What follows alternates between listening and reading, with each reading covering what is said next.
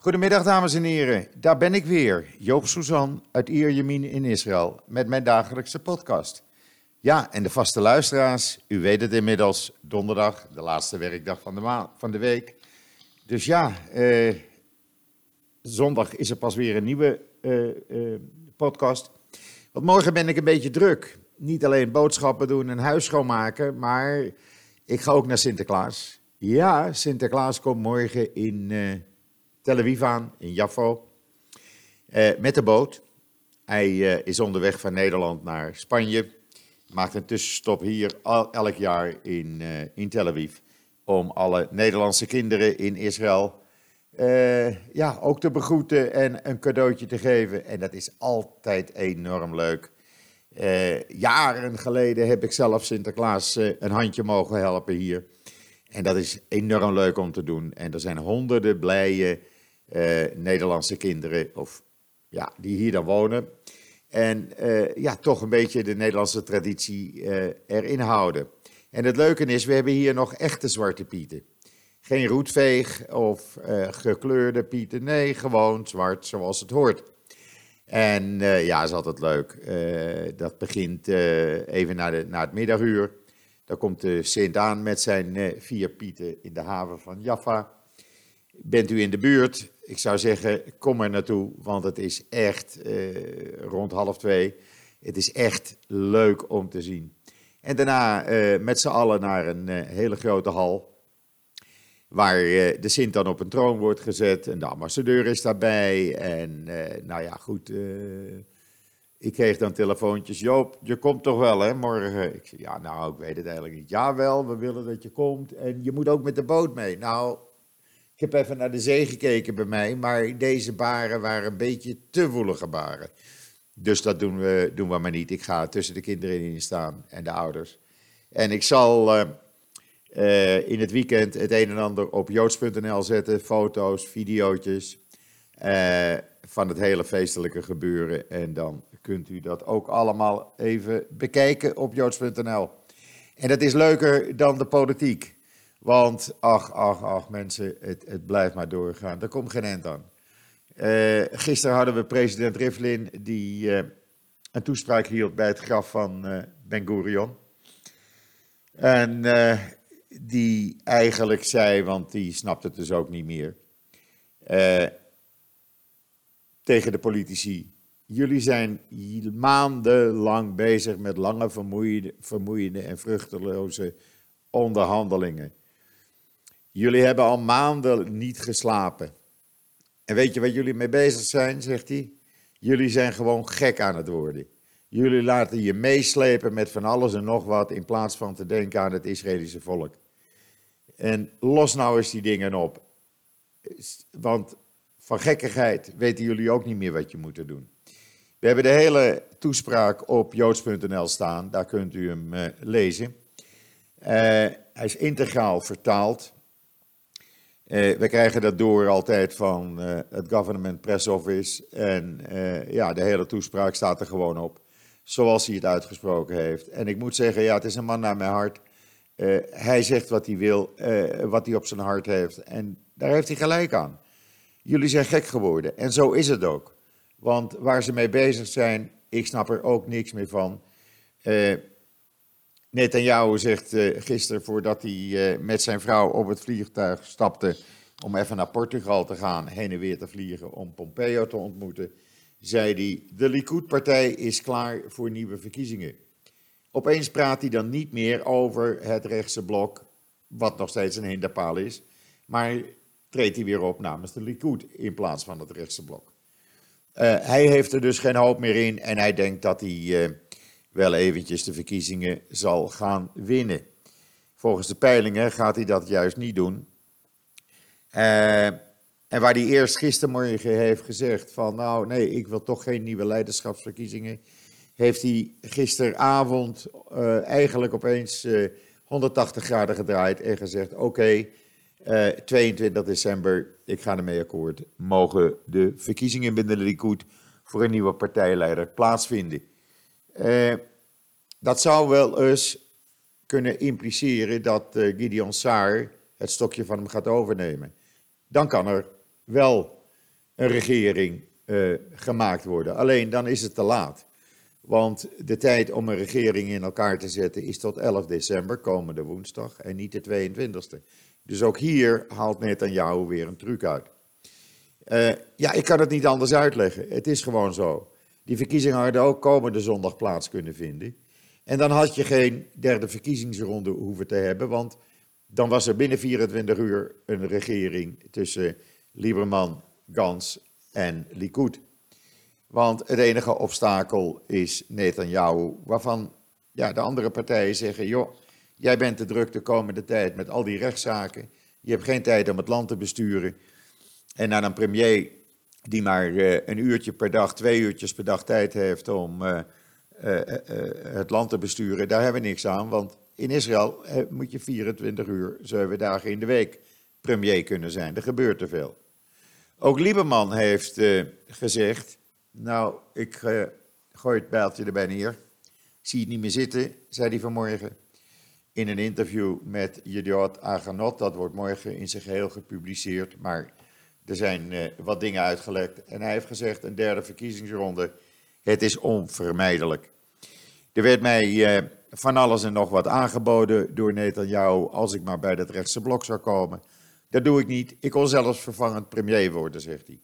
Hetzelfde zei trouwens de voorzitter van de Labour-partij, de leider, Amir Peretz, die zei vanmorgen in een interview mij werd zelfs het ministerie van Defensie aangeboden. Ik kon elk ministerie uitkiezen wat ik wilde, zolang ik maar bij dat rechtse blok kwam. Uh, dat hebben ze dus beide niet gedaan. En Lieberman zegt: luister, we hebben het geprobeerd. Uh, het lukt niet. En het heeft uh, geen zin meer om door te gaan. Netanyahu en Gans die spelen nu het spel van elkaar de schuld geven. Uh, hij zegt, ik heb allerlei oplossingen aangedragen. Maar goed, mijn standpunten zijn bekend. Ik wil best uh, in een regering, eenheidsregering met Likud en Blauw en Wit. Maar er geen ultra-orthodoxe partijen erbij, waarvan Benny Gans van Blauw en Wit zegt, oké, voor mij mogen die er wel bij, maar goed, als dat je eis is, oké. Maar ik wil geen Likud-leider hebben die binnenkort drie rechtszaken heeft te behandelen. Ja, en dan gaat Israël dus weer naar uh, de verkiezingen. En wat zegt de voorzitter van het verkiezingscomité? Ja, zegt ze vanmorgen op een persconferentie. Het is allemaal wel fijn, de verkiezingen, maar wij hebben geen budget. Wij hebben geen geld gekregen van de regering. We kunnen geen mensen inhuren.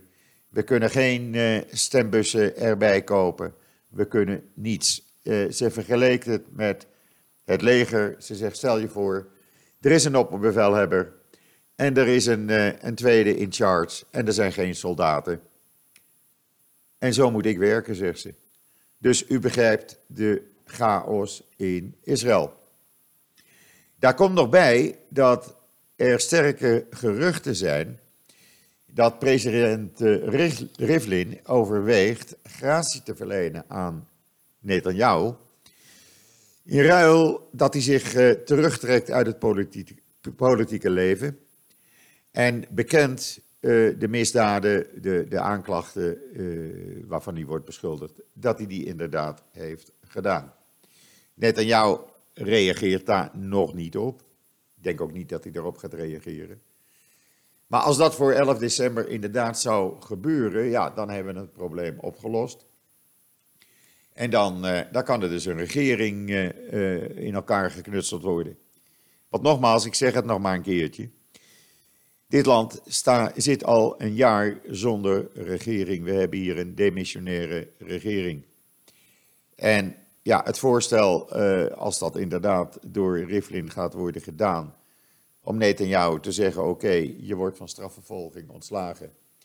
Als je je nu uit het politieke leven terugtrekt en eh, schuld bekent, dan, eh, dan is de zaak klaar en hebben we een regering. Maar goed, ik denk niet dat het zo ver gaat komen. Ik denk niet dat Netanyahu excuus gaat aanbieden.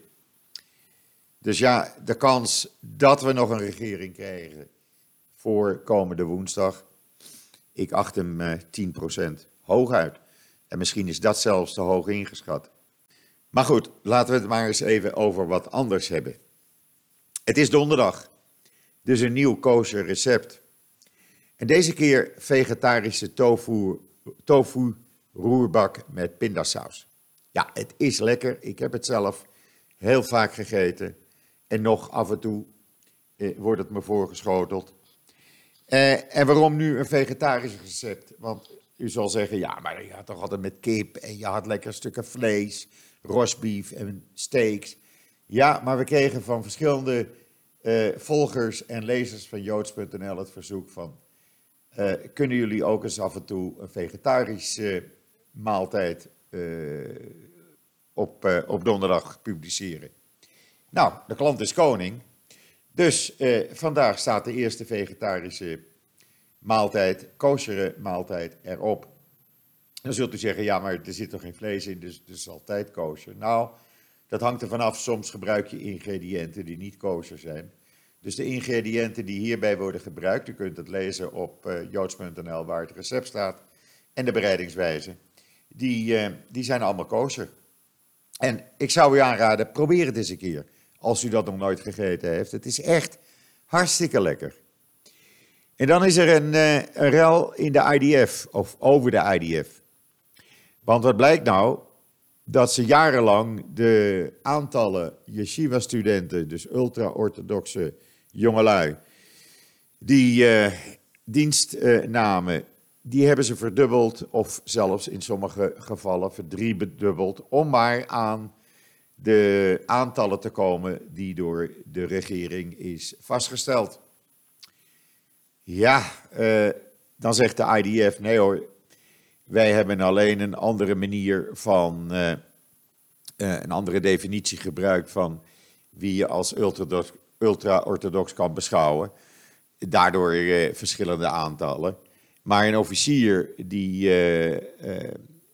bij die afdeling zit, die zegt nee, wij staan al jarenlang onder druk om de, de cijfers te halen en vast te leggen zoals de regering heeft opgedragen. En wij noemden dat intern de kunst van het presenteren van de cijfers. Nou, u weet, er is heel veel te doen over dienstplicht voor ultra-orthodoxen. De ultra-orthodoxe partijen willen dat niet. Er ligt een voorstel, een wetsvoorstel, maar elke onderhandeling voor een regering, en ook nu weer, uh, ligt dit onderwerp heel gevoelig en zeggen de ultra-orthodoxe partijen, zonder uh, als je dit wet, wetsvoorstel aan gaat nemen, dan gaan wij niet in de regering. Dus ja, het ligt er al jaren en er gebeurt gewoon niks mee. En het zal ook nu, als de ultra nodig zijn om een regering te vormen, weer worden gebruikt als uh, argument. Dus dat, uh, dat er minder uh, ultra-orthodoxe jongelui de dienst ingaan, ja, ik geloof dat wel. En dat die cijfers dan worden opge, opgekrikt op papier, geloof ik ook wel. Dus ja, de rel is compleet. Of alsof we nog niet genoeg aan ons hoofd hebben hier in Israël. Goed, wat Israël ook heeft gedaan, die heeft twee verschillende teams met experts naar Albanië gestuurd. Daar waren eind november uh, uh, behoorlijk zware aardbevingen. Er zijn 51 mensen omgekomen, 3000 gewonden tot nu toe. En 6000 mensen zijn hun huizen kwijt. En 7900 gebouwen zijn beschadigd. Dan kan je wel een geldinzamelingsactie gaan opstarten, maar dat doen ze in Israël niet. Die sturen liever fysieke hulp, zoals ze dat ook naar Mexico en uh, het Caribisch gebied hebben gedaan. Als daar rampen zijn, en, en Nepal en noem maar op. Uh, in deze twee teams, dat zijn specialisten van het Homefront en van een semi-particuliere organisatie uit de Golan. Die gaan de schade evalueren aan gebouwen, aan structuren, om te kijken of die gebouwen gesloopt moeten worden of niet. En een ander team zijn experts die zich gaan bezighouden of gebieden nog wel veilig zijn om daar naartoe te gaan of niet. En zullen ook op andere manieren hulp gaan bieden. Ja, inderdaad, ik hoor u zeggen, het is weer Israël die niet blijft toekijken. Maar zo werkt het hier gewoon. Als je hulp kan bieden, dan ga je die hulp bieden. Eh, en dan ga je niet wachten totdat het eh, niet meer hoeft. Uh, dus een goede zaak eigenlijk. En dan, ja, ik vond dat eigenlijk wel een, een hele leuke film. De top 5 van het streetfood, of ja, hoe zeg je dat? Nou, zoals je in Nederland naar de snackbar gaat, straatvoedsel. in Israël. Ja, in Nederland ga je dan een zakje patat halen of een kroketje of een nasibal, een broodje ei, halfom, whatever. Maar in Israël werkt dat natuurlijk niet zo. Hier eh, ga je ja, naar een uh, falafel tent of een swarma tent. Of je bestelt een sakshuka. U weet wel, de eieren met tomaten. Uh, maar wat ook lekker is, is een broodje sabi. Dat is een sandwich op basis van aubergines met allerlei uh, lokale kruiden. En dat is zo lekker. Oei, oei, oei. Als ik eraan denk, als ik er nu over praat, echt, het water begint me weer uit de mond te druppelen. Nou, in ieder geval, die top 5 uh, eh, kunt u bekijken, want het is een video uh, op joods.nl. Doe het maar, dan weet u tenminste wat wij hier eten als vertrek in een, in een snack hebben. En ja, even wat anders, want daar zijn ze weer. Uh, u weet, wij uh, doen vaak dingen samen met Palestinian Media Watch. Om ook in Nederland aandacht te vragen voor het foute leven. wat de Palestijnse leiders de Palestijnse bevolking opdringt. Nou, er is er weer eentje, want er was een tv-programma niet lang geleden, kort geleden dus. En dat was speciaal om het martelaarschap voor kinderen te promoten. Ja, u hoort het goed, het martelaarschap voor kinderen. Uh, want dat zijn de maagden met donkere ogen. Die op die kinderen wachten de maagden met de donkere ogen in het paradijs als ze martelaren worden voor Allah. Althans, volgens dit uh, tv-programma. Nou, er is geen leeftijdsgrens. je kan heel jong zijn, want het tv-programma was gericht op kinderen zeg maar van vier jaar en ouder. En nou ja, uh, ik heb er eigenlijk geen woorden voor. Ik weet ook niet wat ik daarover moet zeggen. U moet het zelf maar lezen. U moet het zelf bekijken en u moet zelf de video zien. En dan snapt u ook precies wat daar aan de hand is. Want het is echt, het is voor mij iets onbegrijpelijks. Ik begrijp niet hoe je kinderen op deze manier gaat opvoeden. Laat ze dan naar Sinterklaas gaan kijken in plaats van promoten dat ze martelaar worden. Onschuldige kinderen, die worden helemaal, helemaal gebrainwashed op de Palestijnse tv. Nou, ik heb er geen woorden voor. Echt niet. En ik hoop dat u dit zoveel mogelijk deelt, want het mag in de Tweede Kamer toch ook wel eens een keer bekend worden wat, uh, wat voor uh, promotie uh, de Palestijnse leiders doen om kinderen martelaar te laten worden. Echt, het is totaal bezopen, het is totaal van de gekken. En dan maar blijven beweren dat er 72 maagden op die kinderen wachten. Hallo, het zijn kinderen. Maar goed, ik kan me daar alleen maar kwaad over maken, dus laat ik dat me niet doen. We gaan het over iets anders hebben. Ook niet zo gezellig, maar ja, het is niet anders. Het jaar is namelijk nog niet om. Maar er zijn al meer verkeersdoden in Israël dan in het hele jaar 2018. Toen waren het er 316 en vanmorgen stond de teller op 319. En dan kan u zeggen van ja, eh, dat gebeurt, oké. Maar als er hier in het land één of twee mensen omkomen bij een terreuraanslag, staat terecht het hele land op zijn kop en bemoeien politici ermee. Maar als er bij een verkeersongeluk ongeluk, zoals begin deze week, vier doden te betreuren waren. Of zoals een paar maanden geleden een hele familie van acht personen, vader, moeder en zes kinderen, bij een verkeersongeluk omkomen. Dan hoor je politici niet en iedereen trekt de schouders erbij op. Maar ja, als je wel eens in Israël bent geweest, dan weet u inmiddels hoe er hier gereden wordt. Ja, het is het Midden-Oosten, ik weet het. Maar dat betekent toch wel dat je aan bepaalde uh, verkeersaanwijzingen moet houden. Linksrijden is hier een hele populaire sport. Uh, sport. Ik rij altijd aan de rechterkant, want die is altijd leeg, de rechterbaan. Richtingenwijzer, ja, daar hebben we nog nooit van gehoord. Ik heb wel eens mensen gezegd, uh, dan gaf je zo een tekentje met je vingers, uh, knipperteken. En dan zeggen ze van, ik weet het niet, ik weet het niet. Dan zeg ik die hendel aan je stuur. Oh? Of zonder licht rijden. Zie je s'avonds ook. Zie je bij mij uit de parkeergarage komen van de shoppingmall. Nou, van elke tien auto's zijn er toch drie minstens die geen lichten aan hebben. En die rijden rustig door. Uh, snelheid, ja, daar houden we ons niet aan. Als je 100 mag, mag je ook 160.